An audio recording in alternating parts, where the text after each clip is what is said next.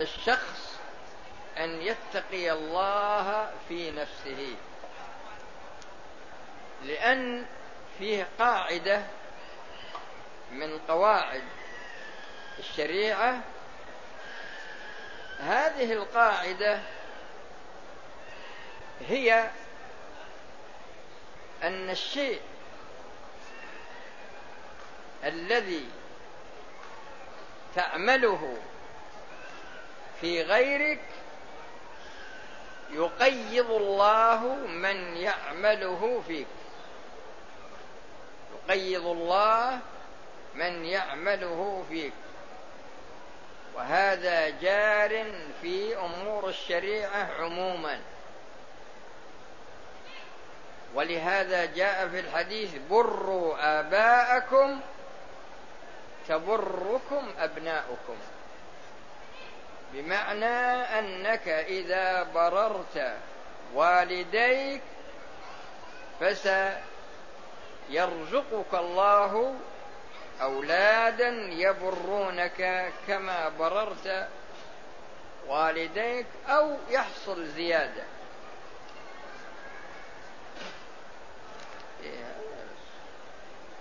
هذا من أسئلة اللقافه هذا هذا صاخن نقوم بالصلاة وراء إمام صاحب طريقة ذكر. وهم أهل الحضرة.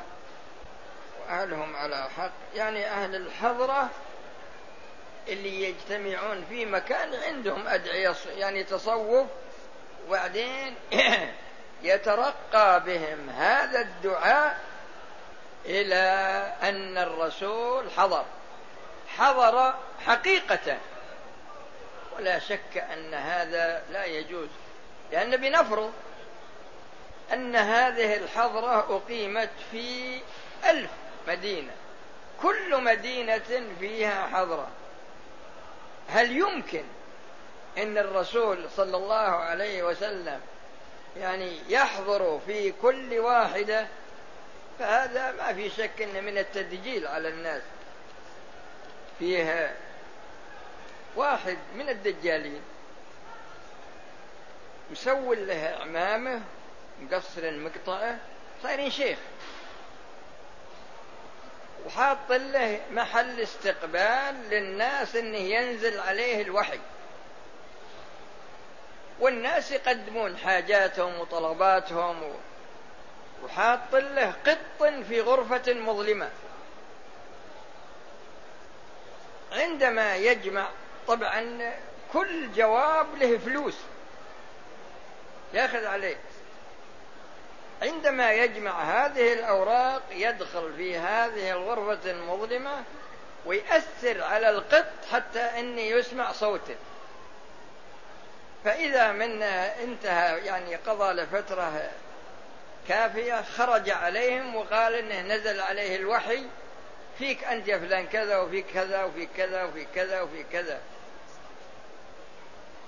فأنا غرضي إن أصحاب الحضرة هذولا في الحقيقة هم دجالون.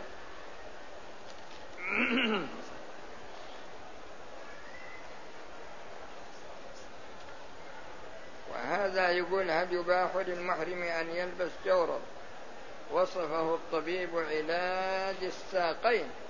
وتخفيف الآلام علما بأن الجورب به مخيط. بإمكانه أن يلبسه وأن يتصدق بثلاثة أصواع بر.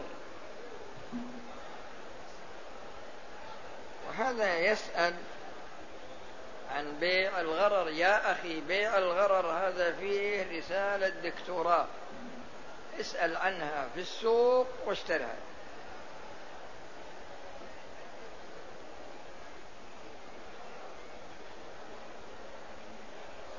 يقول ما هي طريقة العملية لإخراج الزكاة؟ يا أخي الطريقة ذكرها الله. إنما الصدقات للفقراء والمساكين والعاملين عليها والمؤلفة قلوبهم وفي الرقاب والغارمين وفي سبيل الله وابن السبيل. خلاص السلام عليكم ورحمة الله. إذا كنت